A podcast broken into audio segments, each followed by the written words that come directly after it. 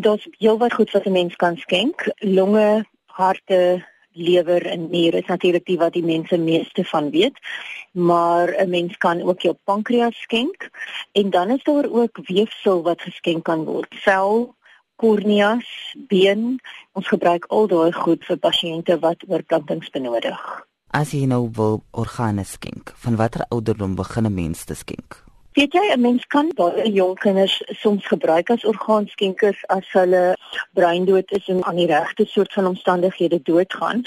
Die algemene orgaan waarvoor ons jong kinders gebruik is vir lewers, omdat daar baie jong kinders is wat self lewers benodig en dan is die lewer wat einerig is, pas dan goed in 'n ontvanger se liggaam.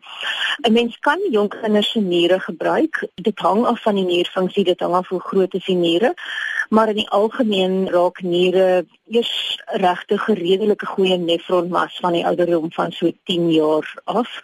Dit hang natuurlik af wie is op die waglys. So as 'n mens 'n jong kind het wat sal wag vir 'n hart, dan sal jy ook 'n jong kind se hart kon gebruik. Is daar 'n afsnydatum waar 'n persoon se organe nie meer gebruik kan word nie of geskik is vir skenking nie of hang dit af van die mediese toestand van daai organe? Weet jy ons gebruik deesdae ouer en ouer mense se organe. As jy mens gaan kyk wat word internasionaal gedoen, die mense in Europa en die mense in die VSA gebruik baie ou mense se organe en hulle funksioneer goed en het goeie uitkomste.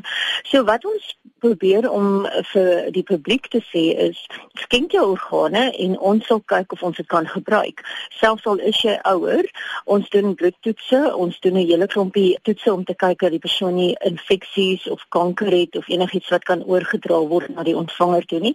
En as al daai goeders in orde is, dan kan ons jou organe gebruik selfs al is jy al sê nou maar in die 60 en die 70 kan ons moontlik nog steeds jou organe gebruik. As daar sekere organe wat makliker of meer doeltreffend oorgeplant kan word en is daar sekere wat 'n bietjie moeilik is om oor te plant Ja, dan natuurlik baie tegniese aspekte om aan te dink.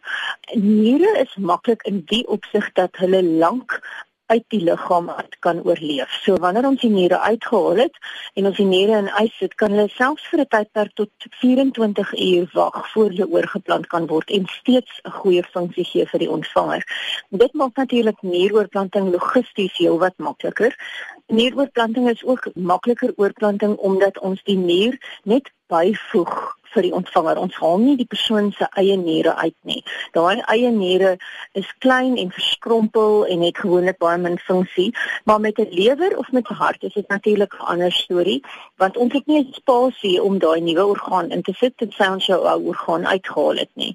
So die proses is eerstens daarom moeiliker en tweedens beide daai organe oorleef nie goed in die ys nie. So as ons die orgaan uitgehaal het en ons die koue perfies uh, middel ingesit gesit het en die bestuur orgaan in die ys gesit het, moet ons daai tydperk wat die orgaan wag voor hy oorgeplant word baie kort hou. Met die hart is dit 4 ure en met die lewer omdat ons die lewer nog weer moet uithaal met die ontvanger, probeer ons maar ook ongewoonlik dadelik aan te gaan met die ontvanger dan op die ouens sit ons met 'n koue chemiese tyd van omtrent so 6 na 8 ure.